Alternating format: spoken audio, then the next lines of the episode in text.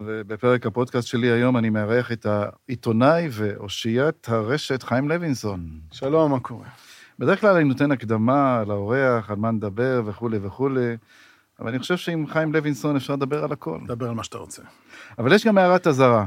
כן. כששאלה אותי אשתי מיכל את מי אני הולך לראיין היום, אמרתי את לוינסון, והיא ענתה, לוינסון הוא מבריק, הוא ציני, אבל צריך לדעת לראיין אותו. וואו. אז אתה לא רק אורח, אתה גם אתגר עבורי. היא כועסת עליי שתקפתי אותה פעם בטור. אה, בסדר, אתה על רוצה... הכלה, אה, איך... עם הכלה של עומר אדם, זוכר את הפרשה הזאת? אני לא זוכר, אבל נדבר גם על זה. מיד מתחילים.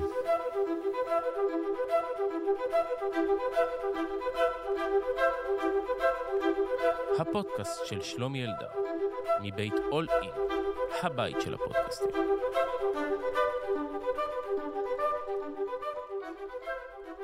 שלום חיים. כן. בוא'נה, איזה כניסה הבאת. למה זה כניסה הבאתי? באת, התחלת, איך פתחת את הדלת? קפץ עליך פה איזה כלב, ואתה חטפת... כן, אני... הג'ננה. כן, כי נמאס לי להיות מנומס ל- לקטע הזה של הבעלי כלבים פה בתל אביב. די, נמאס מזה. תשלטו בכלבים שלכם, או שאל תסתובבו אותם במרחבים ציבוריים, סלאש משרדים שאתם מזמינים אליהם אנשים. אוקיי, אז הגעת כאן לאולפן, קפץ עליך איזה לא, אני אומר, אני, אומר, אני אומר באופן כללי. הגוף שלי הוא שלי. זה לא מעניין אותי מה שאתם חושבים על הכלב שלכם, זה לא מעניין אותי אם הוא חמוד, או שהוא לא חמוד, או שהוא מתוק, או שהוא מקסים. הגוף שלי הוא שלי. אני לא רוצה שכלב ילקק אותי ברגליים. לא רוצה, לא בא לי, לא עושה לי טוב, לא נעים לי, נמאס לי מזה. הרגליים שלי הם שלי. כמו שאני לא רוצה שהומלס ילקק אותי, כמו שאני לא רוצה שכלב ילקק אותי, כמו שאני מחליט מי ייגע לי בגוף, איך ייגע לי בגוף, מתי ייגע לי בגוף, באיזה צורה ייגע לי בגוף. אבל משום מה, אנשים בתל אביב חושבים שזה שיש להם כלב, זה אומר שהכלב שלהם צריך להסתובב באופן חופשי, במשרדים, בבתי קפה, ברחובות, לרחח לך את הביצים, ללקק לך את הרגליים, אני כבר לא מדבר על זה שהם משאירים את הקקי שלהם בכל מקום, אגב, זה גם תופעה מדהימה, כולם אומרים, לא, זה לא אני, זה החארות שמשאירים את הקקי של הכלב. איך יש כל כך... מי הם החארות האלה? אני פעם אשמח לפגוש אותם. איך כל פעם שאני יוצא לרוץ אני חוזר עם, עם חרא של, של כלב ברגליים, שכולם, כל בעלי הכלבים, כולכם מושלמים, וכולכם אוספים את הקקי שלהם כל הזמן. אבל נשים את זה בצד, כי זו התנהגות לא נורמטיבית. הם משום מה באמת חושבים שעובדה שהכלב שלהם חמוד, נותן לו את הזכות לגעת בי. לא, לא רוצה, אל תיגעו בי. תודה, שלום. אוקיי, אז כמו ש... מה שזה אומר שאשתי צודקת. צריך לדעת לראיין את חיים לוינסון. אמיתי. אמיתי. מה, מה אני לא צודק בדבר הזה? לא, אתה צודק. קודם כל אני רוצה להגיד לך למה הזמנתי אותך כן. היום. קודם כל הזמנתי אותך כדי להודות לך. על מה? באמת. שמע, כן. אה, אני כותב ספר על חמאס, נו. וכמובן, ספר שעומד לצאת בקרוב, אני לא עושה עכשיו, אה, לא, לא עושה עכשיו כאילו יחסי ציבור לספר, ויש פרק על סינואר, מהמם. וזה פרק חשוב, אתה יודע, סינואר, לא ידענו מי הוא קודם, ואתה עשית לי חצי מהעבודה. אתה הבאת את הפרוטוקול, צריך להגזים. לא, לא, עכשיו בבית משפט. כן, אבל אתה יודע, אני, אתה הוצאת אותו, אתה טבעת, אתה ביקשת וזה, ספר לי קצת על זה ונתקדם קדימה. תשמע, אתה יודע, אני ב- הייתי כתב שטחים בין 2009 ל-2016, שהייתה עסקת שליט. והייתי מסתובב הרבה בעופר, והייתי מחסל בתי המשפט הצבאיים, וגם אה, בתי המשפט בכלל, והרבה דברים שהיו בכלא, היו משיקים לכל מיני דברים. בקיצור, הייתי מאוד בקיא ב... בכל התיקים ובכל האירועים האלה, והייתי מאוד uh, בקשר הדוק עם הרבה עורכי דין פלסטינים, וחלקם שייצגו את יחיא סנוואר, ואחרים שהשתחררו בעסקאות, שלא השתחררו בעסקאות. אה, אתה יודע, ואני מ-2010-2011, כאילו, היה לי ברור שיחיא סנוואר הוא דמות, אה, אני חושב שהיה מוכר, אבל לא היה, הוא לא היה כל כך מוכר לציבור הישראלי, כי בסוף, שכל פעם שדיברו על עסקת שליט, כן. דיברו על רוצחי ישראלים, נכון. רוצחי המונים, אבא סייד, מרואן ברגותי, עבדאללה ברגותי. סינואר לא ישב בכלא על רצח ישראלים, הוא ישב בכלא על רצח, כן. על רצח משת"פים. אתה יודע שאני אני בספר שלי להכיר את חמאס, כתבתי על ארגון המג'ד שהוא כן. עמד בראשו, לא ידעתי אפילו מי הוא, השם שלו לא מופיע. בדיוק אה, אה, פגש אותי אמיר טיבון אה, לפני כמה ימים, הוא אמר, הוא עושה איזה משהו, הוא אומר, אתה יודע, הדבר הכי מדהים, בספר שלך לא מצאתי את, הש... את יחיא סינואר בכלל. כן. ואמרתי לו, כן, לא ידעתי מי הוא בכלל. ואז אתה מוציא את הפרוטוקול, ש... עוד פעם, אתה- יודע, איך- אז... שמע, אני גם שמעתי ממקורותיי בזמנו, שהוא היה מהמתנגדים התקיפים ביותר לעסקה, כאילו, זאת אומרת, הוא כל כך משוגע שהוא התנגד לעסקה ש, שהוא השתחרר. בה. כן, כי הוא רצה את כולם. הוא רצה את, אה, חבר- בעיקר את חברו חסן סלאמה מעזה, אה, והוא ממש אה, עבד אה, בתוקף נגד סאלח חרורי, אה, שישב אז בדמשק וקידם את, שהיה מאוד בעד העסקה, אז הוא נקט בקו אה, נגד העסקה. אה, ואז הוא עלה לי על הרדאר, כי כל הזמן, אה, כל מיני דברים שיצאו מתיקים של אה, בתי הכלא, של שהכניסו אותו מבידוד והוציאו אותו מבידוד, שכל הסיפור של עסקת שליט כל הזמן היה ברקע. אז אה, הוא עלה לי על הרדאר כאיזה מנהיג חמאס, והאמת שכבר הרבה זמן, אה, כאילו, אז יום אחד נזכרתי, האמת שהרבה לפני המלחמה, נזכרתי שאני צריך אולי למשוך את הפרוטוקולים של ה... אתה יודע, שזה יושב אולי בבית משפט עליון, אה, ולהוציא את זה, ועד שלקח זמן, ועד שהביורוקרטיות כבר פרצה המלחמה וכולי, אז ביקשתי, ארבעה חודשים זה מדהים כמה זמן דברים כן. לוקחים, אבל בסוף זה קרה. באיזה עיתוי, וואלה. כן, באיזה עיתוי. כן. אז אה, כמו שאמרתי לך, אגב, קיבלת קרדיט בספר שלי, לא. לא לקחתי לעצמי, נתתי מהפרוטוקול וזה. כן. אני רוצה להשמיע לך קטע. ו... זה שלי? אני, אני נשמע... אתה. האמת שלא אתה נשמע, אתה יודע, אה, מי שנשמע שם זה כמובן... אה, מטנפים עליי? אה, לא, למה שיטנפו עליך? תשמע, אתה, אני רוצה להגיד לך משהו. אני כתבתי איזה פוסט, אה, איזה טוויטר, וכתבתי משהו על, זה היה כמובן לפני השבעה באוקטובר, על אה, תחושת הקיפוח, אה, ואמרתי שאנחנו באנו ממשפחה לא מקופחת. אני היחיד מבין ארבעה ילדים שנולד בישראל, כל השאר נולדו בעיראק. המזרחיות שלי תמיד הייתה חלק ממני, אך לא עשיתי בה מעולם שימוש. היום אני מביט באמסלם, תכף נדבר על אמסלם, אני רוצה לשאול אותך משהו על אמסלם, כמובן, ובאבישי לא בן חשבתי חיים. שלא. באיציק זרקה זרקה. ובדיסטל, ואומר בקול רם, ארורים המזרחים שהפכו את מזרחיותם לשם נרדף לשנאה ורגשי נחיתות. ואז פנו אליי מהתוכנית אה, של ינון מגל, אה, עוד פעם אני אגיד, מה, אה, אשתי נכון, נכון. הזהירה אותי, על לך, מה, מה, מה, שלומי אלדר, שלום. שלום. עיתונאי, אה, במאי, פרשן אל-מוניטור. כן. לא, אני כבר לא פרשן אל-מוניטור. אוקיי. כתבת חי- אתמול ברשת הטוויטר, אני היחיד מבין ארבעה ילדים שנולד בישראל, כל השאר נולדו בעיראק. אימא שלי, נזימה, זיכרונה לברכה, הייתה תופרת, אבי, עליו השלום, עבד בתעש, לפני כן במלון השרון, גדלתי בנווה ישראל. לא, לא, אם אתה מקריא, תקריא כמו שצריך, שאנשים יבינו. יש לך גם ככה הדיקציה שלך לא משהו, אז אני מבקש שתקריא את זה בצורה כמו שאתה מקריא בטקס יום הזיכרון בתיכון. גדלתי בנווה ישראל, נווה ישראל זה שם על יד אולפני הרצליה, לא? אה, בערך, כן. שכונת עוני. אחי נשלח לפנימיית בוייר, כי היה מחונן משאר בני השכונה. הערבית מהבית שימשה אותי כדי להתקבל ל-8200, התקדמתי לאט. לערוץ הראשון נכנסתי כי נפתח קורס כתבים שבו נתנו עדיפות לבני עדות המזרח. לרן האחרון הגעתי עם זיפים של אבלות כי אבא שלי נפטר. המזרחיות שלי תמיד הייתה חלק ממני, אך לא עשיתי בה מעולם שימוש. לא שנאתי איש בשמה. לא השתמשתי בביטוי כמו פריבילגיו ישראל השנייה, אשתי אשכנזייה וגם חיי משפחתה שהייתה בגולאג חמש שנים היו קשים, אין תחרות בסבל וגם אם ינצח איזה פרס אקבל בסוף. היום אני מביט באמסלם ואבישי בן חיים, באיציק זרקא ודיסיטל, ואומר בקול רם, ארורים המזרחים שהפכו את מזרחיותם לשם נרדף לשנאה ורגשי נחיתות. תשמע, אני קראתי את זה אתמול, וזה סקרן אותי, כי, כי בעצם, מה, מה אתה בעצם אומר פה? כולנו סבלנו, אז אין הבדל בין מזרחים לבין אשכנזים? הנה, אה, משפחת אמי הייתה בגולאג חמש שנים, מה... לא, משפחה של אשתו. אה, סליחה, משפחת אשתך, כן. מה, אתה באמת לא מבין או אתה סתם אה, מיתמם? אני עושה, אני מיתמם כדי לפתוח את השיחה. אוקיי, אז בוא נפתח את השיחה. יש היום אה, אה, קריקטורה של עמוס בידרמן בהארץ, כן. איציק זרקא אה, מתחבק עם היטלר ואומר לו אתה תהיה להיט בפריימריז או משהו כזה, ובצד תמונות של זרקא מתחבק עם נתניהו, זרקא מתחבק, מתחבק עם סילמן, זרקא מחובק עם ברקת וגם נדמה לי עם יולי אדלשטיין. שכל אה, השנאה הזאת אה, יוצאת מהמקום הזה.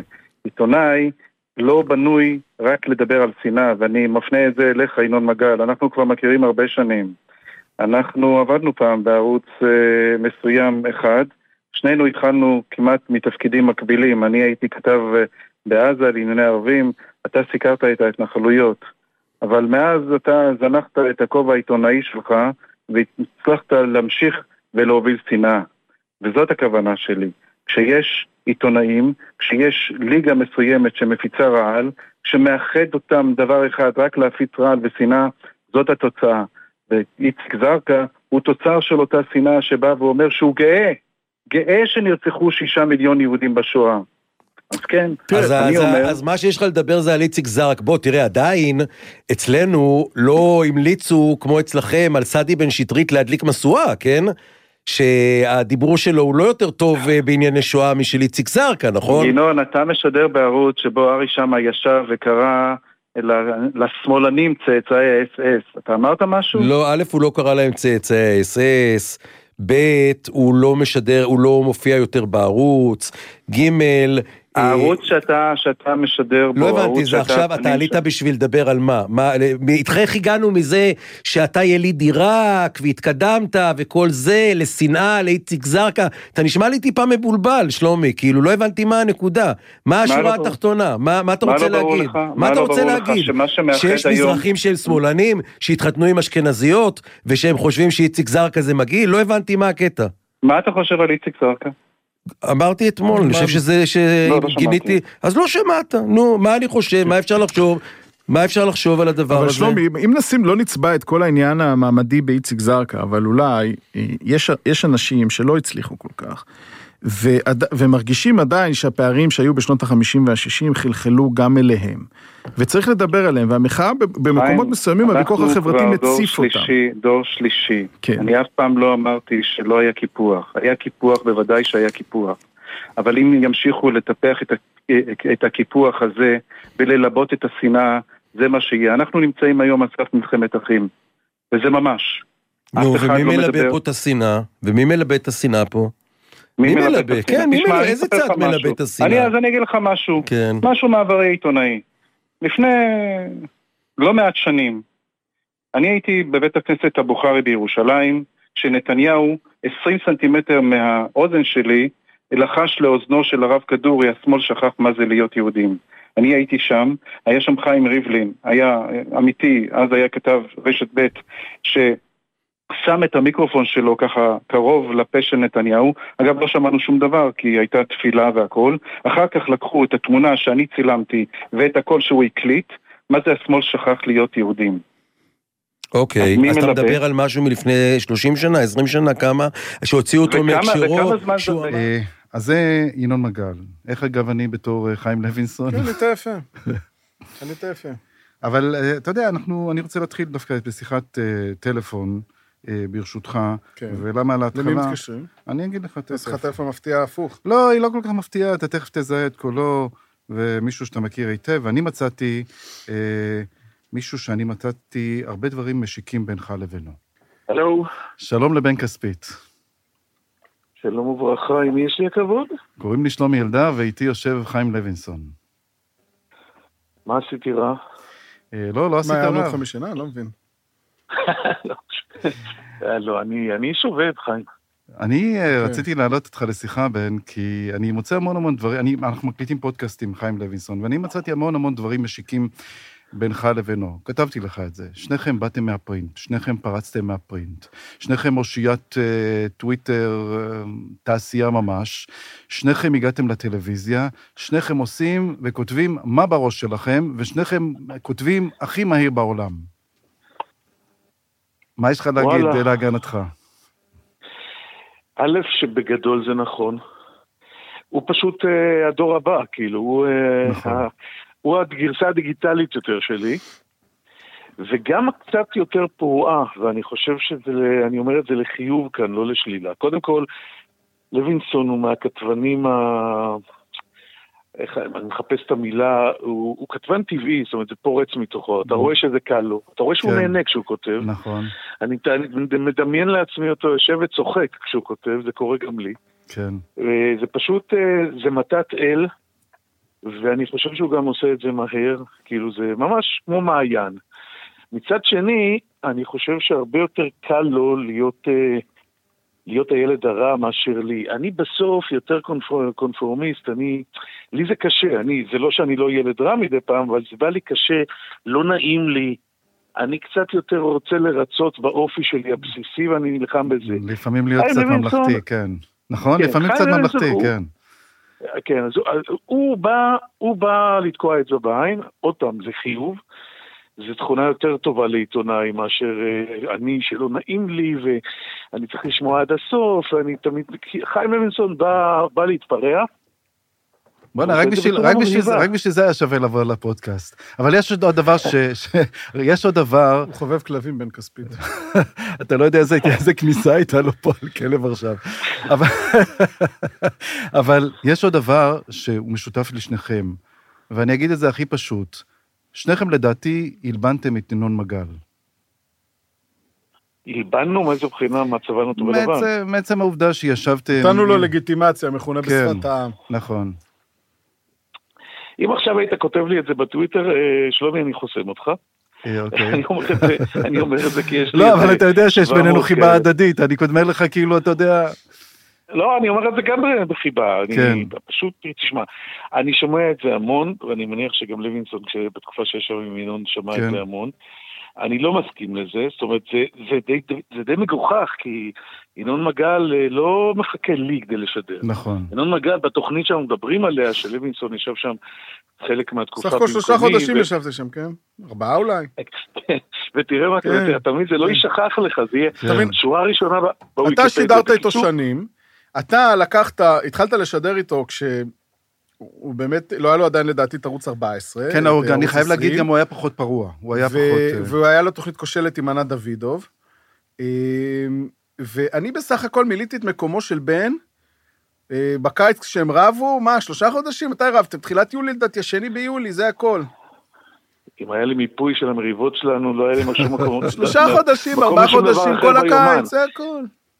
מה עשיתם? תראה, מה אה, עשו לי מזה? זה- אבל יש לי מה לומר בנושא, זה- אבל תגיד אתה כן, קודם. כן. אז לוינסון אה, חומק איכשהו, אתה יודע, מחוסר עניין לציבור. תראה, אה, תוכנית כושלת עם ענת דוידוב זה לא, לא מדויק, הייתה לו כן. תוכנית, הוא קיבל תוכנית ב-103 אחרי שהוא נפלט מהכנסת. הוא שידר עם ענת דוידוב, אחר כך הוא שידר עם רון קופמן. כן. ואני חושב שהיו עוד כמה קורבנות אומללים שלא עמדו בזה. אבל לתוכנית היה מעמד, הייתה לגיטימציה כן. והייתה לה האזנה. לא, לא, זה לא היו הפיקים שהגיעו אחר כך, אבל הייתה לה האזנה. אני התיישבתי שם כמחליף. ובסוף קרה מה שקרה, אבל אני לא זה שנתן לו לגיטימציה, לא זה, אני, זאת אומרת, אם אני לא, השאלה הנשאלת, תשאל שאלה אחרת. לא אה, נשאל אה, שאלה אחרת. אני גם לא רוצה להקדיש מה- את אה, כל השיחה מה שלנו עם קורה אם. אני לא שם? אם אני לא שם, הוא ממשיך לשדר עם מישהו אחר, זה הכל. בסדר, אני לא... אני לא חושב שזה בזכותי האירוע הזה. תכף- אני אדבר עם חיים לוינסון אחרי שנסיים את השיחה בינינו, אבל אני רוצה לדבר איתך עכשיו תקשורת בזמן מלחמה, בזמן מלחמה של נתניהו, בזמן אה, מאבק של לדחות כל אפשרות לוועדת חקירה ממלכתית, במצב של לקבל אחריות, ואני שואל גם אותך וגם את חיים לוינסון, איך מתמודדים עכשיו מול כל הכוחות האלה? תשמע, זו שאלה קשה, אבל אני לא חושב. שדווקא בזמן המלחמה הוא, הוא מייחד את זה, זאת אומרת, אה, זו שאלה שאתה כל הזמן צריך לשאול את עצמך בשגרה, איך אתה מתמודד אה, מול הכוחות האלה. ואני, וזה גם בהקשר של העניין עם ינון. היה לי איזה דיון עם בן, אה, בתקופה שבאמת, שבן רב איתו ואני החלפתי את בן. אה, אז כדאי, זה לא כדאי.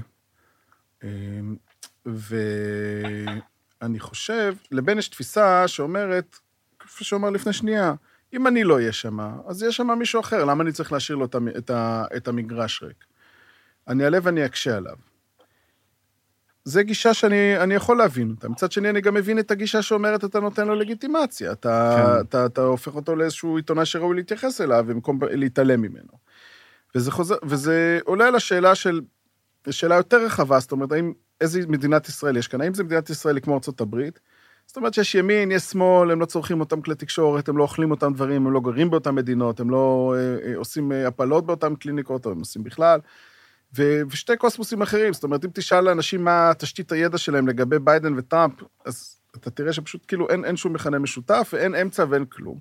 או שיש כאן מחנה ביביסטי אבוד, יש מחנה רלביסטי קיצוני, ויש אמצע.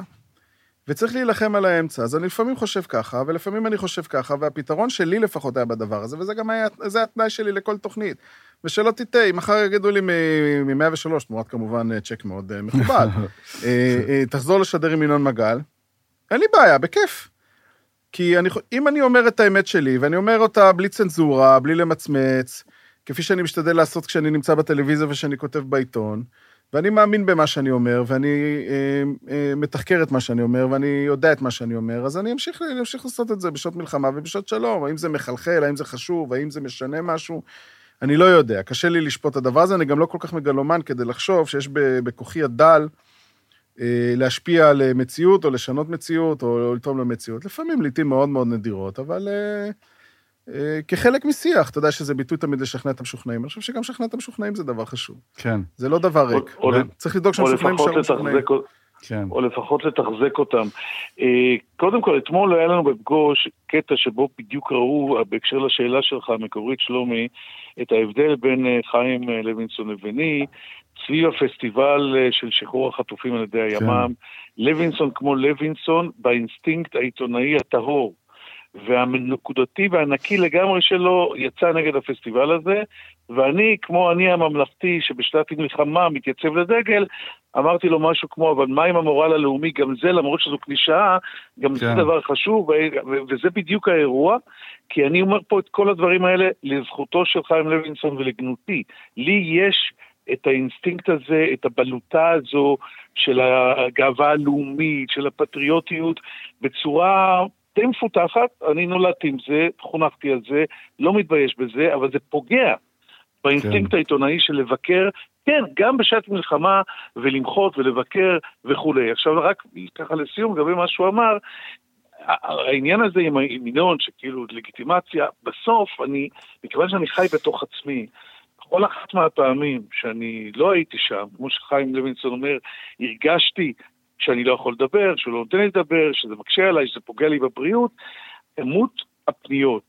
אני מדבר איתכם על, בגלל שתוכנית כן. באמת בהאזנה מטורפת, ש, של תחנונים, שאני אחזור, כי אני היחיד שיודע לענות לו. גם היחיד לי זה שמסוגל קורה. אתה לא לבד, אתה לא לבד. אני לא, אמיתי, אני אני רק רוצה לתאר קיבלתי- לעצמי, אני וינון מגל, תכף אני אשאיר יותר. מאוחר, אני אשמיע לכם הקלטה שהייתה, הייתה לי שיחה, היה שם חיים לוינסון וינון מגל, אבל אני לא רוצה רק לעכב אותך. כן. מה שרציתי להגיד, אגב הפסטיבל, היה עוד איזה פסטיבל שנראה לי נורא נורא מוזר, תמונה של יחיא סינואר ומשפחתו לפני ארבעה חודשים. וואו, סינואר היה כאן. ואיך התקשורת הישראלית חגגה על תמונה מלפני ארבעה חודשים. מה היה העניין הזה? אז עוד פעם, אני בטוח שחיים לוינסון יגיד, אתם משוגעים, תרדו מהגג, ואני, עוד פעם, חבר'ה, אני, אני פה מודה בכל חטאי. אני כן חושב שלראות את רב המרצחים הזה הולך בכפכפים בשרוואל, כמו עכבר, בתוך מנהרה, אה, בחושך, אה, זז ממקום מקלט למקום מקלט, יש בזה משהו שכן, שהוא חשוב. בזמן מלחמה, העם הזה נמצא על הקצה, אנשים סובלים, אנשים אה, נהרגים, נחטפים, עברנו פה איזה אירוע, כן, אז, אז זרקו את זה להמונים. זה אשכרה נחמה או בידור להמונים, אני- אבל אני חושב שיש לזה מקום, יש לזה מקום. אני ממש אותי, אני, חולק אני, אני. ראיתי את זה בשמחה רבה. אני מת- אני מתפלא ואני חולק עליך, כי אתה- אתה... ידעתי שתעשה את זה. לא, כי אתה רוצה, אתה רוצה אתכם כאן. לראות בסרטון משהו שאין בו. זה שאדם נמצא במנהרה, זה לא אומר שהוא, זה לא אומר שהוא, אתה יודע, איפה מתנהלים הדיונים של קבינט המלחמה ושל המטכ"ל? בבור. בבור. זה סוג של מנהרה בעצם. אז, אז לא, יש שם חשמל לפחות. כן, אז מה תגיד? גם במנהרות של עזה יש להם חשמל לא פחות מפה, אני לא דואג. מה, מה תגיד, ישיבו אנשים בעזה, תראה אותם, הם מתחבאים בבור כמו עכברים. תראה, בוא, בוא, בנימין נתניהו לא יכול להסתובב ברחוב, מסכים איתי? כן. הוא צריך אבטחה, הוא צריך מזה, אני, אני לא רואה בזה אפילו איזה לפני מילואימניקים אינדיקציה- בודקים שאין להם, כשהוא בא לפני מילואימניקים, אבל לראות אני לא להם רואה בזה. אינדיקציה שהוא כמו איזה עכבר נמלט. אני דווקא, אה, אתה יודע, מה עשה סינואר בעשירי לאוקטובר ומה הוא לבש, פחות מעניין אותי. לצערי הרב, הוא כבר בשביעי לאוקטובר אה, עשה את שלו. כל, כל ה... זה שאנחנו, מה התאריך היום? ה-18 בפברואר והוא עדיין חי, זה נכון. כישלון. כל צה"ל פועל בעזה ארבע וחצי חודשים. כל עוצמת הצבא, כל עוצמת המודיעין של שירות הביטחון הכללי. ו- ולא יודעים איפה הוא, זה מה שמטריד אז- אותי, אז לא... עשינו פה- עשינו פה הדגמה... ואגב, אני חושב, אתה שואל אותי, הוא לא סובל, הוא ג'יהאדיסט מטורף, הוא יודע שהוא ימות, הוא מחכה למותו, הוא מייחל למותו, הוא ימות עם חיוך על אני השפתיים, שהוא נתן איתך. לישראל את המכה האנושה בתולדותיה. זה לא מאיים עליו שהוא ימות, הוא לא מאיים אני עליו. מסכים איתך, ואני אגיד לך עוד דבר, אני שומע, מדבר עם הרבה אנשים אה, בעזה שאני מכיר, והם אומרים שביום שהוא יצא מהמנהרה, הם יהרגו אותו. אני לא יודע אם זה נכון, אני לא יודע באיזה עוצמה, אבל אתה רואה את עוצמת הכעס של הרבה הרבה פלסטינים בעזה, על הנהגת חמאס, ובמיוחד על יחיא סינואר, שאני אומר, אתה יודע, אני סתם אומר, אני לא... אני רק זורק ככה, שנניח מחר נתניהו מגיע להסכם עם חמאס, קחו זה, תביאו את החטופים, צאו החוצה, ואת המלאכה, המלאכה הטובה הזאת אה, יעשו בני עמו, כמו שאומרים. אז פה קיבלנו ככה באמת לסיכום בדיוק את כל, ה... את כל המעגל.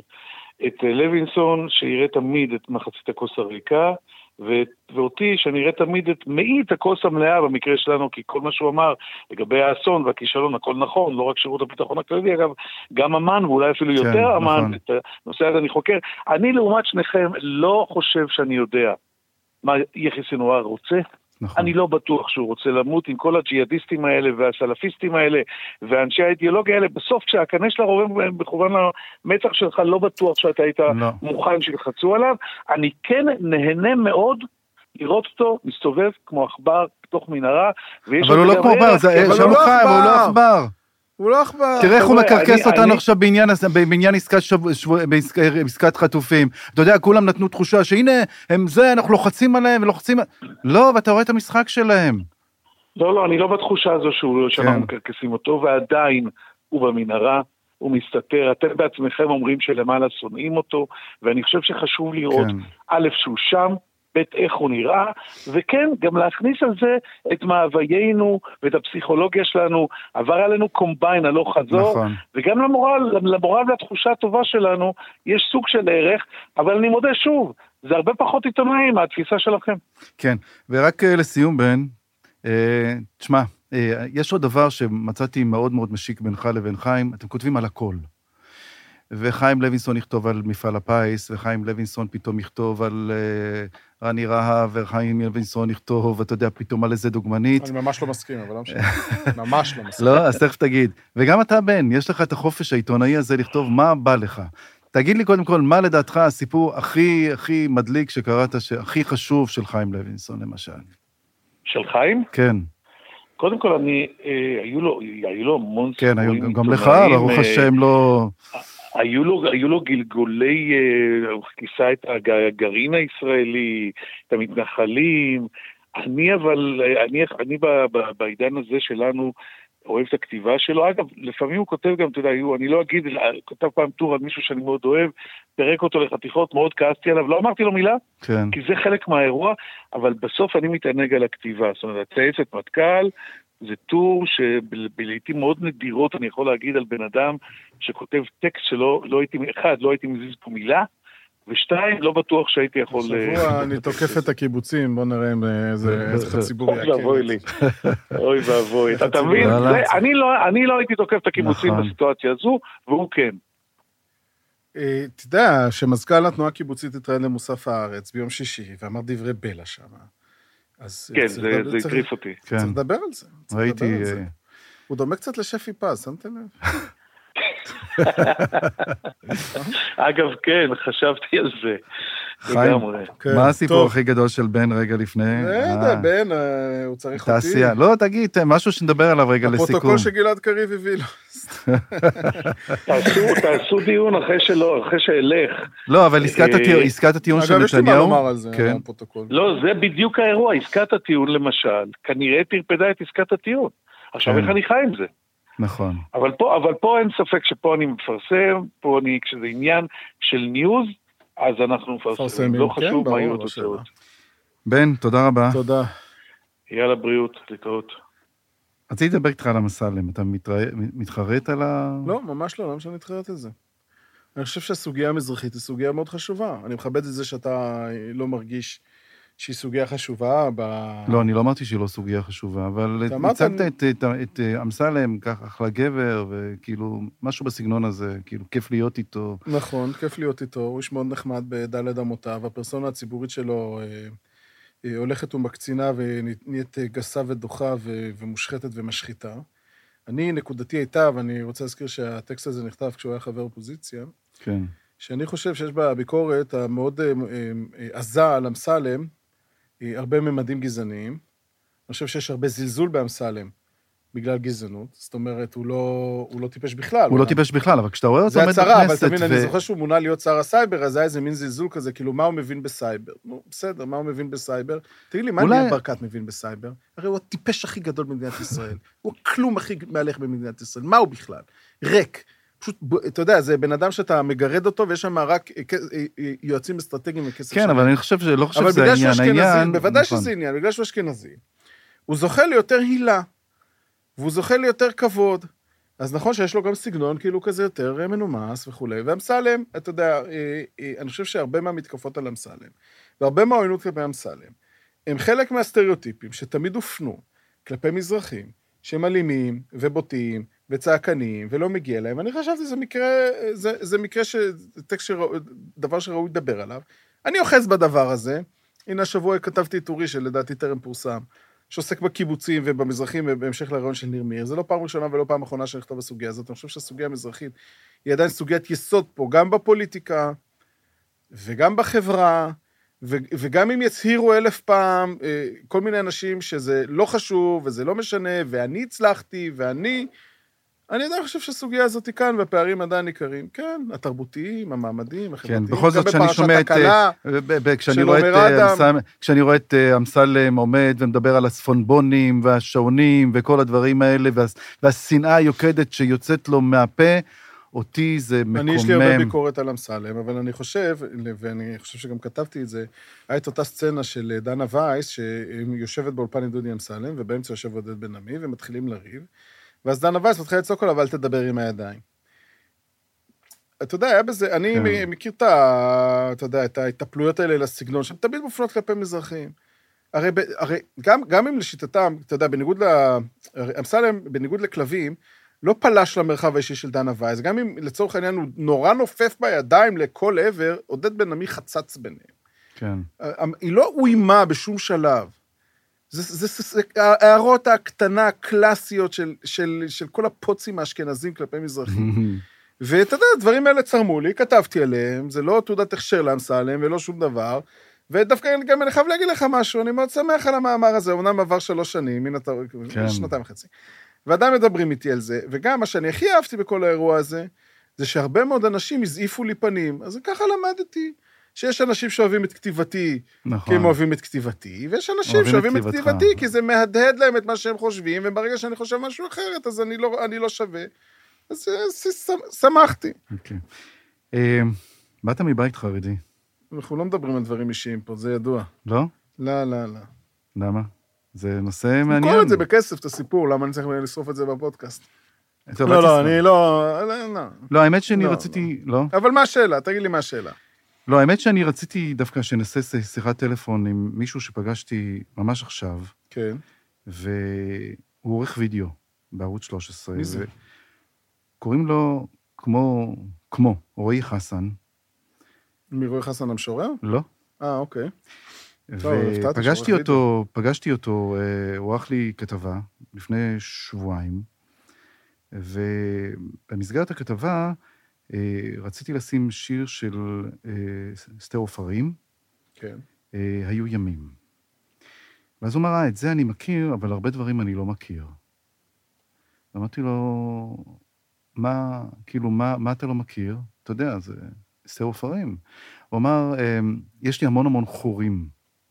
וכשניסיתי ככה לשאול בעדינות מה החורים, הוא אמר, תשמע, אני עזבתי בית אה, חרדי, ש"סניקי, ואני אה, יצאתי מהארון, ואני בנתק מוחלט עם המשפחה שלי, שישבו שבעה עליי. ונורא רציתי להעלות אותו לשיחה איתנו. תראה, אני אגיד לך משהו, אגב, לגבי החורים, זו נקודה מעניינת שאתה מעלה, כן, יש לי איזה נאום קבוע נגד החורים. כל ההגדרה של מהי חורים היא אבי...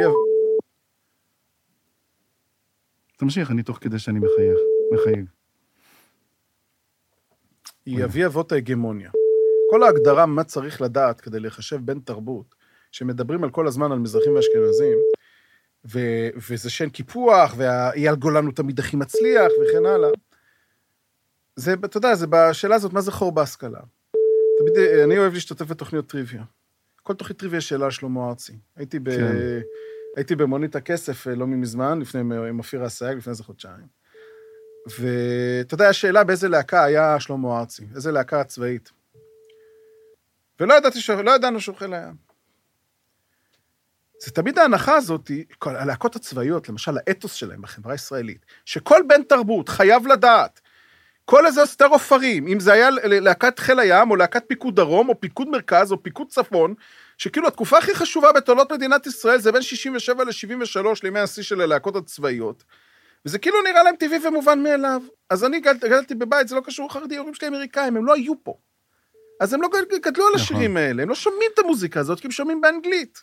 עכשיו, כמוני, כבן מהגרים, יש עוד הרבה בני מהגרים, אתה בן מהגרים מדור אחר, ההורים שלך פשוט מבוגרים, כן. מהוריי שלי.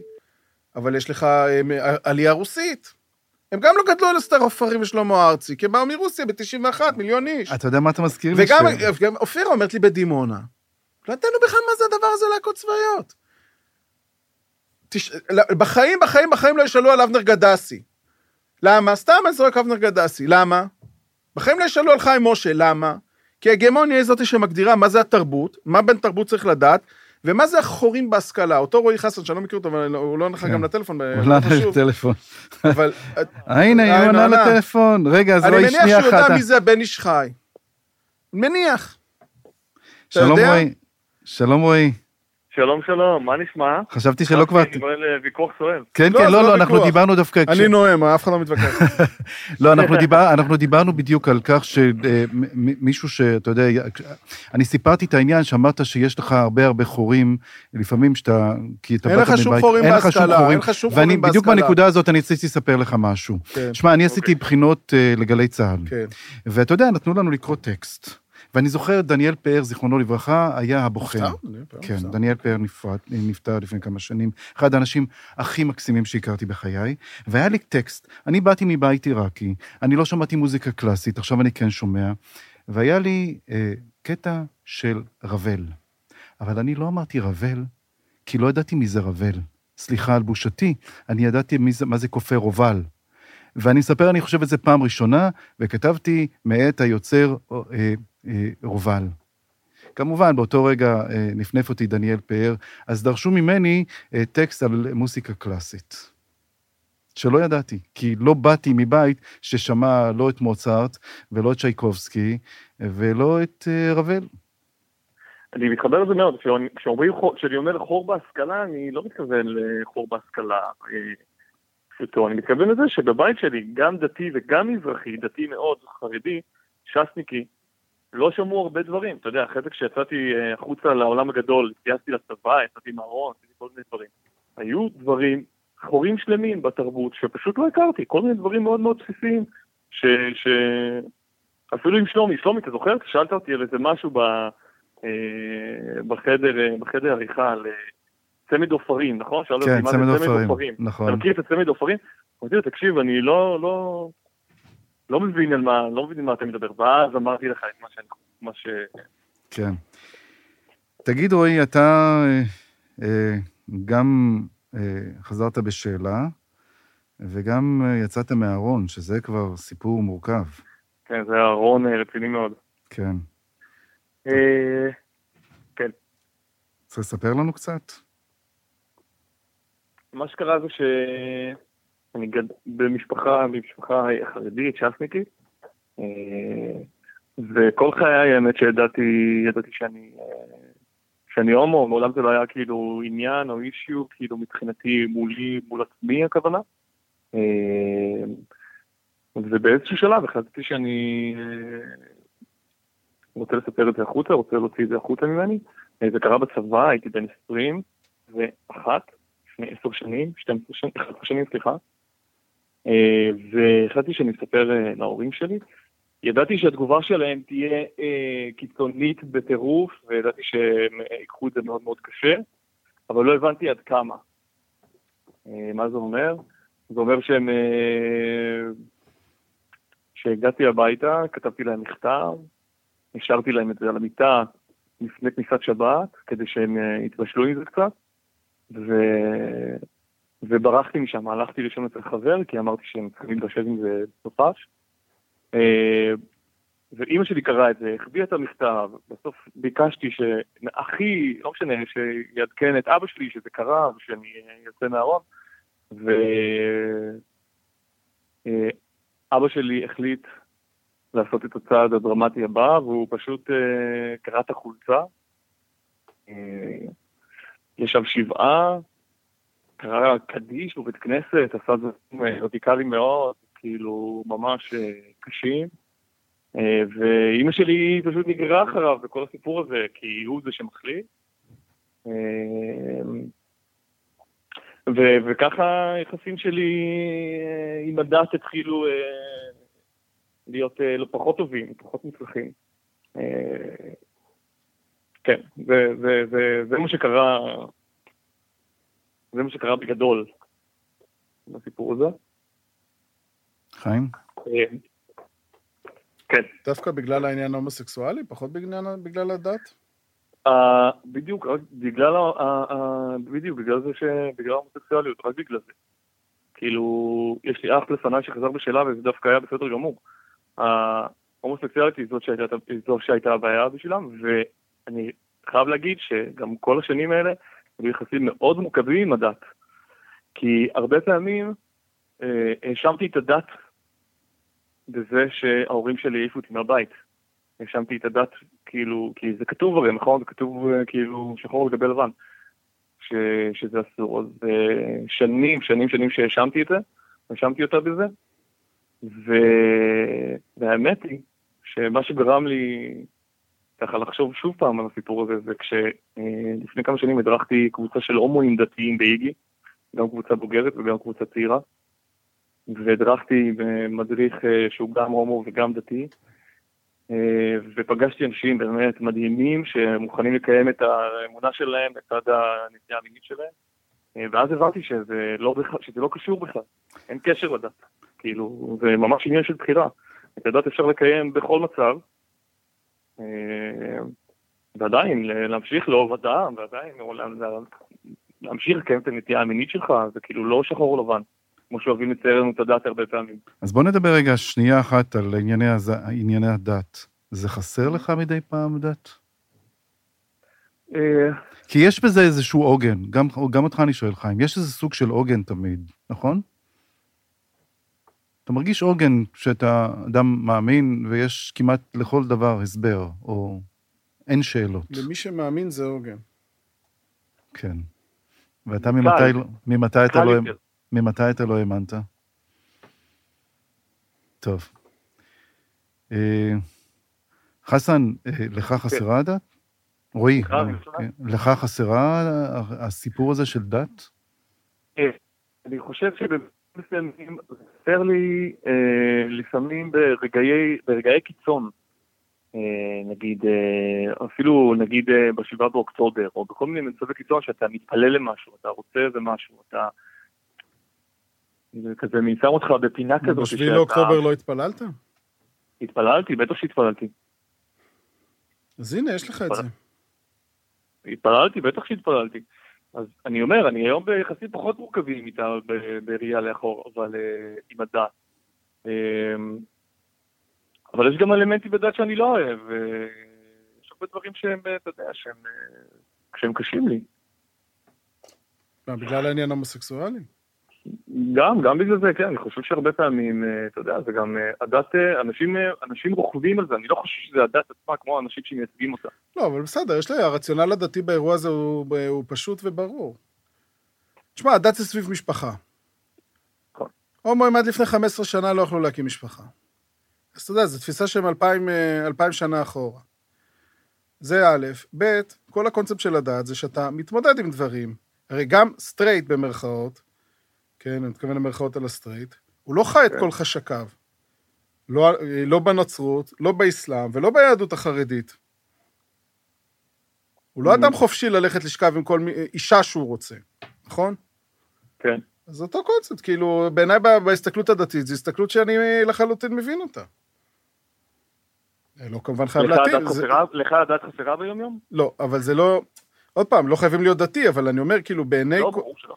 בעיני כהני הדת, אני מבין למה ההומוסקסואליות מקפיצה אותם. כאילו, בסוף, כן. זה חותר תחת היסוד של המשפחה, כמו שהטרנס... נכון. הרי כל הדת מבוססת על הפרדה בין גברים ובין נשים. כן. אז זה חותר תחת כל מוסד ההפרדה, הרי למה צריך להפריד בבית כנסת, כשאתה בעצם אה, יושב בקהל, בקהל הגברים, עם אנשים שאתה נמשך אליהם. נכון. זה כאילו, אם, עכשיו, אם אין הפרדה, אז כל, כל החברה היא הפרדה. לא רק ביהדות, גם בדתות אחרות. אתה שאלת אותו אם הוא התפלל בשבעה באוקטובר. אתה התפללת? לא? התשובה היא לא. מה עשית? אני בכיתי. עקבתי אחרי החדשות, מה אני יכלתי לעשות? להתבאס? יכלתי לעשות? ורק אגיד uh, לסיום, uh, רועי, uh, ערכתי איתו כתבת מגזין, ופתאום הוא אמר לי שהוא עורך רק חמש שנים, וראיתי אשף. זה מחמאה, רועי, אם לא שמת לב. ואני רואה שמשהו שאני חייב להגיד לכם, אולי דווקא העניין הזה שבאתם שניכם. מלימודי דת, ודרך שמלמדים אתכם ללמוד בחינוך החרדי, עזר לכם להשתלט כל כך על... אצל, אצל חיים לוינסון זה להיות עיתונאי מוביל. אצלך אני צופה לך עתיד גדול כעורך סרטים. אולי בכל זאת זה היה יתרון שאתה לוקח אותו איתך לכל החיים? אני חושב שאצלי זה מתוך מקום, אה, זה הרבה פעמים מגיע מהמקום, המוטיבציה היא הרצון אה, לממש את החיים האלה שבחרתי לי במלואם, או הרצון להוכיח לעצמי ה, שאני יכול ליישם אותם. אני חושב שזה המניע העיקרי. אה, לא יודע אם חיים מזדהה עם זה, אבל לפחות אצלי, אצלי זה מגיע. אני לא יודע לערוך וידאו, זו שאלה לא... אני בקושי לחתוך תמונה בגלרי, בסמסונג, אני כן. מצליח. אתה יודע, זה, אגב, תמיד אני אומר שמדברים על חורים בהשכלה. אתה יודע, תמיד יש איזה סקרים כאלה, כל איזה חצי שנה מפרסמים אה, סקר ש-40% מהנוער לא יודע מי זה הרצל. אה, אתה מכיר את הז'אנר. כן. אתה יודע, כמה אנשים יודעים לערוך וידאו? אני עושה את זה 30 שנה ולא יודע לערוך זה וידאו. מיומנות חשובה היום, ספר. נכון. אתה יודע, לא רק לכתוב, לספר סיפור ב... ב, ב אתה יודע, אני לא יודע לעשות, אני לא יודע לשים כיתוביות, אני לא יודע כלום. לא, לא, אבל מה שאני אני אמר- מפגר התכוונתי. להגיד, שזה אולי, אותו זה עשה, הולך להיות עורך אני וידאו והתקדמות, אמרתי. ואותך. כן. אותך להיות עיתונאי מוביל. אתה עיתונאי מוביל, אני יאללה, לא תדע, אתה די, עיתונאי, עם קח זה כבר, מחמאה, נו, די, לא. מוביל. אז מה. אתה? עיתונאי, זה הכל. עיתונאי. אתה שמת לב, רועי, שהוא לא יודע לקבל מחמאות. הוא לא יודע לקבל מחמאות. לא, כן, לא מוביל, אני לא... עיתונאי? מוביל. לא מוביל, אני עיתונאי. בסדר, אני עיתונאי, לא הכל בסדר. עיתונאי, זה הכל. רועי, תודה רבה שהסכמת לעלות לשיחה הזאת, ושיהיה לך יום. טוב, ואנחנו נמשיך לערוך ביחד. תודה של לגמרי, המשורר, בהצלחה. כן. ולך, חסן. המשורר הוא משורר טוב. כן, אבל יש לך אומץ. אני חושב שמה שאתה עכשיו כתבת, ואני יודע, אתה הרשות השנייה וכולם, העניין שאמרת שהימין הישראלי, אני חושב שהאשמת בעיק- בעיקר את סמוטריץ', סמוטריץ', דיברתי רק על סמוטריץ'. כן. סמוטריץ' ומרעיו, כן. אה, בשבעה באוקטובר, אה, איך זה לומר, יום חג. וואי, אתה רואה, אני ניסיתי לא להגיד, שאתה מה תגיד את זה, להגיד אולי- את זה? לא מבין, גם הרשות השנייה הזאת, אתה יודע, אני לא- לא לא רוצה לנסח את זה, ב- אני מאוד מחבב את דוד רגב ברמה האישית, אבל כאילו, אחי, הוא חבר לא. טוב שלי. לא, גם אני, אני אוהב אותו, רצתי איתו, הוא בחור נהדר, אני מדבר כן. איתו מדי פעם, אני... אתה יודע, בסדר, יש לו את העבודה שלו, אני מכבד את העבודה שלו, אבל כאילו... כל המחשבה הזאת שזה מישהו יגיד לי מה לחשוב, אם זה בסדר, באיזה מילים אני אשתמש, שזה... לא, אז בוא- בוא. תיתן לנו הסבר למה אתה אומר שזה זה כל כך. מגוחך בעיניי, אבל אה, אתה יודע, לגופו של עניין, קודם כל אתה רואה את ההתנהגות שלהם. הרי מבחינתם זה, תפ- זה תפיסה. הם רואים ב... היסטורית, בער- בערביי ארץ ישראל, מראשית הציונות עד ימינו, על כל גלגוליהם של ערביי ארץ ישראל, בכל הצורות ובכל המקומות ובכל הזה, כאיזשהו כתם על הארץ. אם בכלל, הרי סמוטריץ', אתה זוכר שהוא פעם אמר את זה מעל בימת הכנסת, אה, לא מזמן, שכאילו, שלא, שכאילו, אנחנו, אי אפשר, שמצטערים שלא השלימו את הנכבה ב-48, כן. כן. שנשארו פה ערבים. שכאילו כולם היו חושבים, שכאילו חבל שלא ניצלו את ההזדמנות, אני לא זוכר בדיוק מה היה הניסוח. הם באמת רואים בערבים פה ככתם, כפגם רוחני, פגם בקודש הזה שנקרא ארץ ישראל. והם לשיטתם, זה לא אני אומר, זה הרב קוק שלהם אומר. הגאולה תבוא, שאנחנו נגאל את הארץ וניישב אותה ביהודים ונוציא מפה את הערבים. הרי למה הם הולכים... יש לך איזה ז'אנר אחד שהולך, אומר, אני הולך לגור בשילה, כי זה עניין של, לצורך העניין, חגורת הביטחון של מדינת ישראל מפני פלישה איראנית. שפעם, אני זוכר שפעם אמרתי לאחד מראשי המתנחלים, אתם, אתה יודע שגוש אמונים התחיל לפני איראן, הרי המהפכה הייתה ב-79, גוש אמונים כן. היה ב-75. אז הוא אומר לי, כן, אז זה היה מהירדן. אבל אתה יודע מה, נגיד, נגיד שיש איזה אנשים שאומרים, תפיסת ביטחון, אנחנו לא יכולים לחיות ב-67, 67 זה גבול פיקטיבי, אנחנו צריכים את, את הנער הירדן, בסדר, נגיד. אבל אנחנו יודעים הרי שאצל הסמוטריצ'ים הרי זה לא תפיסת ביטחון. הם אומרים שזה כן. תפיסת ביטחון, כי הם חושבים שזה יישמע לנו טוב. זו נכון. תפיסה תיאולוגית. הם מאמינים שאם לא נחזור לכל חלקי ארץ ישראל ונסלק מפה את הערבים, המשיח לא יבוא. ועכשיו מבחינתם, השביעי באוקטובר, זה היום שהשתנתה הספינה. הם ספגו מכה מאוד קשה בהתנתקות, הארץ הקיאה אותם. היה פעם ביטוי של זמביש, כמדומני, שמרוב שהם רצו קדימה, הם לא שמו לב שהציבור לא מאחוריהם. ובשביעי באוקטובר, מבחינת, יש היתכנות לשינוי הספינה, אולי נחזור לגוש קטיף, אני מניח שיהיו פרובוקציות בקרוב כן. בדבר הזה, ככל שצה"ל מדלל את כוחותיו ברצועה. אני מניח שאנחנו נשמע מכאן ועד פסח על איזה ארבעה חבר'ה ששמו איזה דגל ואוהל באיזה גבעה, ואז סמוטריץ' התחיל להגיד לא, שצריך לבחון. אנחנו זוכרים הרי איך גוש אמונים התחיל, ואז יגידו לא, שהצבא לא יפנה אותם, כי אז הצבא זה, זה שם עליו משימות פוליטיות וכן הלאה. זה מבחינתם התגשמות החזון. עכשיו, יש להם גם תפיסה שאומרת שזה הכל חבלי גאולה. שאנחנו צריכים לסבול פה למען חלקנו בארץ ישראל. בסדר, סבלנו בשביעי באוקטובר. זה כמו, אתה יודע, הם, ב- בתיאולוגיה שלהם, זה כמו לידה. אישה בלידה מאוד סובלת. אתה רואה אישה בלידה, אתה אומר, איזה מסכנה, איזה אומללה, איזה כאבים, רופאים רוכנים עליה, אחיות וזה, היא, היא, היא לא איתנו.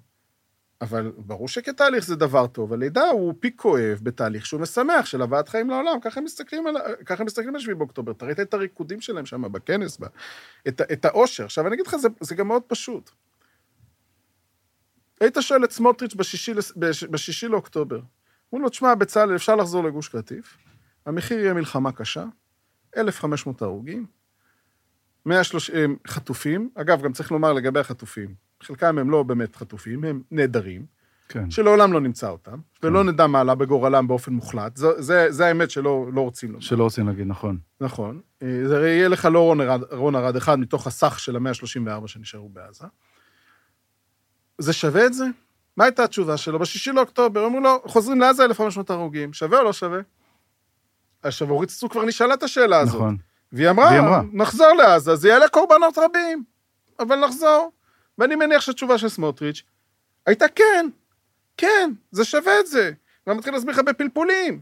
אין ברירה, חייבים, זה הכל, כל ממבו ג'מבו של מטרתו, זה תפיסה אידיאולוגית שלו, שארץ ישראל לא שלמה אם אנחנו לא נמצאים בכל חלקיה. אגב, אה, לא מהציונות הדתית, אבל אה, דיסטל אה, קצת יקטע על חטא, אתה מאמין לה? דיסטל זה... תראה, אין ספק שהבחורה חכמה, ואין ספק שהבחורה יודעת לכתוב, ואין ספק שהיא יודעת לתת שואו למצלמות. היא נגיד מרואיינת לפודקאסט יותר טוב ממני. יותר טובה. עד עכשיו עשית עבודה טובה. ו... ו... הש... אתה שואל אותי, האם כל ה... היא תמיד הרי באובר רגש כל הזמן, גם בטקסט, גם ב... ב... ב... אין אצלה משפט רגוע. הכל, הכל תמיד נראה על סף, זה תמיד הרגש שהוא על סף להתפוצץ. אתה שואל אותי אם זה מצב נפשי או שזה איזה אמת אותנטית, אני, וואלה, אני לא יודע, אני לא מאמין לה שלא יקטע על חטא ולא שלא על חטא. אני חושב שהיא בסערת רגשות כמו תמיד, היא לא כל כך מאוזנת, אני חושב שהיה לה מכה מאוד קשה לאגו, שהיא חשבה שהיא תהיה איזו שרת הסברה מדהימה, ובסוף היא הבינה שהחיים אה, בניהול ממשלתי זה לא שאתה כותב כמה פוסטים ומשגר אותם, אתה זוכר, היה איזה ראיון אה, מדהים איתה אחרי שהיא מונתה להיות שרת ההסברה, שהיא אמרה לכל השרים, תבואו אליי, אני אהיה הכיכרה כן. שלכם.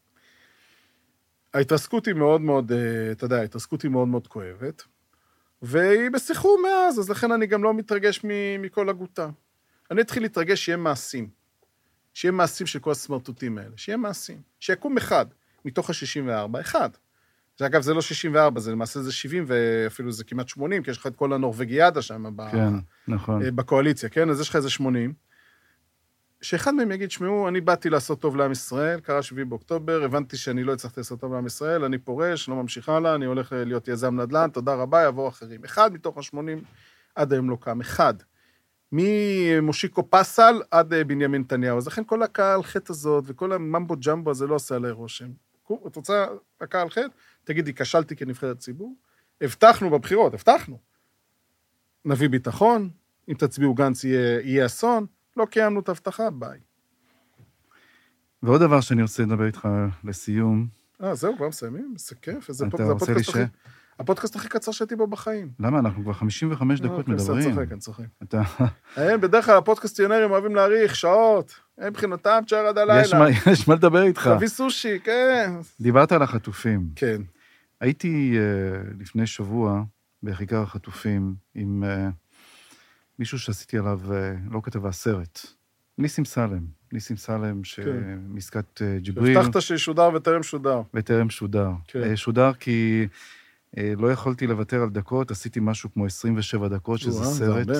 וזה הרבה בטלוויזיה, וזה כן. הפך להיות לסרט, ואתמול נתניהו הפתיע אותה, הפתיע אותה. נתניהו פתאום החליט שהנה עוד פעם, אגב, למה הוא עושה את המסיבות לא עיתונאים? זה למה- לא מפתיע, זה כל שבועיים מוצאי שבת. אבל למה, לא, פעם אצל נתניהו, מסיבות עיתונאים היו באמצע המהדורה, שמונה וחצי נניח, משהו כזה. למה הוא עבר לעשרה הוא לש... רוצה לפתוח, זה לא באמת עשרה לשמונה, הרי זה כאילו חמישה לשמונה, כי הוא רוצה לפתוח. הוא הרי מגלומן, הוא נרקסיסט, אין כבר מה לומר. אני, אני אם אני הייתי עורך, אני לא הייתי משדר את זה. אין שם כלום, חייך. יכול לכתוב לך את הנאומים האלה מראש. אוקיי, כל הזמן הוא הולך, וכל הזמן אומרים לו שחייבים לנצח, ורק הוא יביא את הניצחון, והוא אומר לכולם, ומי, שלא, ומי שפקפק בו לא מבין, אם זה באולפנים, אם זה באמריקה, בואו, אנחנו מכירים את התסריט הזה כבר, די. אז, אז גם אני אהיה ביקורתי, ורוצה להגיד לך שהוא נאם בכיכר החטופים. הוא היה מאוד נרגש, וזה בכלל באמת אה, אחת הכתבות הכי... הכי מר... אני רוצה...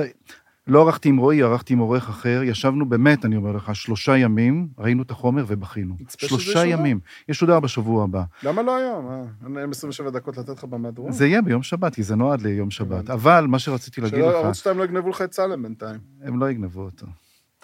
אה, והייתי בכיכר החטופים, אני חושב, פעם ראשונה, כן. וראיתי שזה הפך להיות תעשייה. תראה, אני לא הייתי בכיכר החטופים... אה, הייתי פעם אחרונה בכיכר החטופים במאה יום ל... למלחמה, זאת אומרת שזה היה לפני למעלה מחודש. היא- אתה יודע, אני חושב שכיכר החטופים אה, וכיכר דיזנגוף זה סמלים יפים. כמו כל תופעה לאורך זמן, יש כל מיני טרמפיסטים וכל מיני אנשים מסביב, אבל בליבו של הדבר הזה, אני חושב שזה דבר יפה מאוד.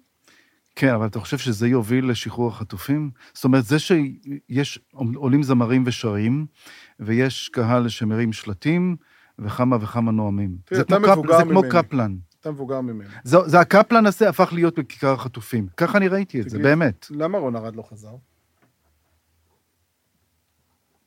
לא למה? אני לא הייתי פה, ב-86 אני הייתי בן שנתיים. אני אספר לך משהו? אני... ושבמשא ומתן לשחרורו של רון ארד הייתי בן שלוש, שלוש וחצי. אתה, אני מניח, כבר היית אז עיתונאי ברשות שידור, לא? לא, הייתי בצבא, וביום בצבא. שנפל אה, רון ארד, הייתי במשמרת, הייתי בחיל מודיעין, ו... ואז קיבלנו את הידיעה ש... אם היה לחץ על להחזיר את רון ארד, אולי היה חוזר? אני לא יודע, אני שואל אותך. אם לא ש- היה את הלחץ המסיבי על גלעד שליט, עם ההפגנות, הוא לא היה חוזר. עם הסלבס, לא, אבל, אבל גלעד שליט חזר לא בגלל ההפגנות האלה. בעצם כן בגלל ההפגנות, אבל בגלל משהו אחר. נתניהו פחד מהמחאה החברתית שהייתה. וזה דבר ידוע. כולם אומרים אגב, את זה, אגב. אני דווקא חולק עליך, כי במר... מי שניצח במרכאות במשא ומתן של עסקת שליט היה ישראל, הרי החמאס דרש את רשימ... רשימת האסירים הכבדים. כן. אה, אה, חסן סלאמה, עבאס סייד, הברגותים, אה, איך קוראים לו של איזה רחבעם זאבי, נו, באחר של השם שלו. שכחתי גם אני רגע. כן, בחזית העממית, כן, והיה היה איזו רשימה, שאולמרט לא הסכים לשחרר אותה. נכון. וזה פוצץ את המגעים בתקופת אולמרט. הרשימה הזאת... אולמרט לא היה מוכן לשחרר בהתחלה תמורת מספר קטן של אסירים, אני הייתי מעורב בזה. בשבוע הראשון, אני שוחחתי, שוחחתי עם סמי אבו סמהדאנה, אחיו של ג'מאל אבו סמהדאנה, שתכנן את חטיפתו של גלעד שליט. אגב, הוא לא זכה לזה, כי שלושה שבועות לפני כן ישראל נפרד חיסלה מאיתנו, אותו, כן. נפרד מאיתנו. וסמי אבו סמהדאנה הלך לאחמד ג'עברי ודיבר איתם, והם היו מבוהלים. כי אתה יודע, פתאום עוד שנייה ישראל הולכת לחטוף אותם. אני הרמתי טלפון, בדיוק, אתה יודע, היה מעבר מאריק שרון לאולמרט, כי אולמרט, שרון היה ב stroke, התקשרתי לשב"כ, חזרו אליי, חזר אליי גדי שמני. גדי שמני היה המזכיר הצבאי, ואמרתי לו, תשמע, הוא חזר עכשיו. אה, אה, אה, סמי אבו סמדאנה, דיבר איתם, הם מוכנים לעסקה קטנה של מה שהם קוראים נשים, ילדים זקנים. ילדים זה בני 21, אתה יודע, כן. כן. עסקה. הומניטרית. ואז אמר לי גדי שמני, במילים האלה, אנחנו, יש לנו מלא מתווכים, אנחנו רק לא מעוניינים לתת שום דבר, ואמר לי עוד דבר מאוד מעליב, תתעסק בעניינים, אתה מתעסק בעניינים לא לך. ואחרי זה פתחצה מלחמת לבנון, ומה שקרה, עופר דקל, שמונה להיות, קרא לי ואמר לי, שמע, שמעתי ככה וככה, בוא נעשה, בוא, בוא, בוא, בוא נלך למהלך, אבל כבר הייתה מלחמת לבנון, כבר צה"ל פעל בעזה עם 500 הרוגים, זה נקרא גשמי קיץ, גשמי קיץ. והמחיר המחיר כבר עלה, ואי אפשר היה לשחרר אותם. אז זה אולמרט, בואו לא נקל בעניין הזה של אולמרט. בסדר, לא, אבל לא, אני, הנקודה שלי הייתה שאותה רשימה שאולמרט לא הסכים לשחרר, גם נתניהו לא הסכים לשחרר. זאת אומרת, זה לא שנתניהו התקפל בעניין עבאס סעד כן. וחסן סלאמה, ולכן העסקה יצאה לפועל. אתה יודע, אבל... למיטב זיכרוני, עיקר המחלוקות שהתבחבשו שם בשנת 2010-2011, לא היה על המספר שסוכם מראש, אלא על התמהיל בתוך המספר, כי היה נכון. שם כאילו רשימת כבדים ורשימת לא נכון. כבדים, שהרשימת לא כבדים, ישראל היא זאתי שבחרה אותם, ורשימת הכבדים, החמאס, היה איתם בתיאום, ובעיקר היה שם מחלוקות על נושא הגירוש, כן. שבדיעבד זו הטעות מרה, בעיניי, אחת הטעויות הקשות של ישראל בעסקת שליט, היה נושא הגירוש. בכלל גירושים, לא רק בעסקת שליט, בכלל גירושים. יש לך מישהו שנמצא ביהודה ושומרון, אתה יכול להשקיט עליו. בדיוק, מה אתה צריך לשלוח אותו לעזה? עכשיו, זה מצחיק, אנחנו רבנו עם חמאס, חמאס אמר, תשלחו אותם הביתה. מה פתאום אתם מגרשים אותם? סלאח אל-ערורי, לא בעסקת שליט, סלאח אל-ערורי לא עסקת ב-2000, שליט, כן. נכון, לא עסקת שליט, הוא שוחרר קודם, ותראה מה הוא אבל כאילו. היה רשימת כבדים שגורשה לעזה, וחלק לקטאר, וחלק לטורקיה, וחלק ל... איך קוראים לה? היא המחבלת שם מ... עם תמימי, הגיטרה, אה, תמימי. תמימי, כן. אחלם עם התיק תמימי. גיטרה, כן. אה, שגורשה לירדן, ועוד כל מיני סידורים כאלה באזור, שזה כאילו, פה כאילו חמאס התקפל, ובדיעבד אני חושב שזו טעות מפגרת. מי שפה אתה יכול לאסוף, מי שבעזה נכון. אה, אה, עושה לך נזקים ואתה לא יכול לעשות איתו כלום. אבל אני אומר שבדבר הזה, נתניהו לא כל כך, הת- התיאור של נתניהו כמי שהתקפל בגלל המחאה החברתית, אני לא חושב שהוא כל כך התקפל. השאלה היא אחרת. אם לא היה מ-2006 עד 2011 את הנושא של שליט, האם זה בכלל היה אישו? האם הוא היה גומר כמו רון ארד? אז לכן אני חושב שכיכר החטופים הוא דבר חשוב, כי יש חלק, זרם, משמעותי, דיברנו על זה לפני רגע, על כל הסמוטריצ'ים והבן גבירים. אני שואל אותך, עכשיו אתה מצמיד את סמוטריץ' למכונת אמת עם אקדח לרקה, ואתה אומר לו, מה אתה מעדיף? ארבע התנחלויות בעזה, שומע חטופים חוזרים, מה הוא עונה? מה עונה? לא יודע, האמת ש... נראה לי התשובה די ברורה. עכשיו, אתה רואה שיש לך גורמים בתוך הממשלה שמצביעים נגד עסקאות חטופים, עושה, בן גביר, וסרלוף ו... מי השר השלישי שלהם? ברח. הם לא יכולים להישאר בעזה כהתרסה, אז לכן אני חושב שהמאבק הזה, ולדבר על זה ולהזכיר את זה, הוא חשוב. יש פה אנשים בחברה הישראלית שיעדיפו אדמה על חיי אדם. זה המצב, ולכן צריך... ונתניהו, אני לא יודע איפה הוא אוחז. יום ככה, יום ככה, לכן זה חשוב. חיים לוינסון, עכשיו, זהו, הגיע שיר תודה. רבה. אתה רוצה שיר פרידה? האמת שאתה הזכרת כבר כל התחלת כך... לנגן. אתה התחלת, הזכרת הרבה פעמים את אה, רון ארד, והשיר הזה מתנגן לי כבר הרבה זמן. שמעתי איזה כיסוי לשיר הזה, ואחרי זה שמעתי את בועז שרעבי, ואמרתי, כמה כאב כשבועז שרעבי שר. אז זה יהיה שיר הסיום שלנו, אם לא אכפת לך. שים. חיים, תודה רבה. תודה, תודה על ההזמנה.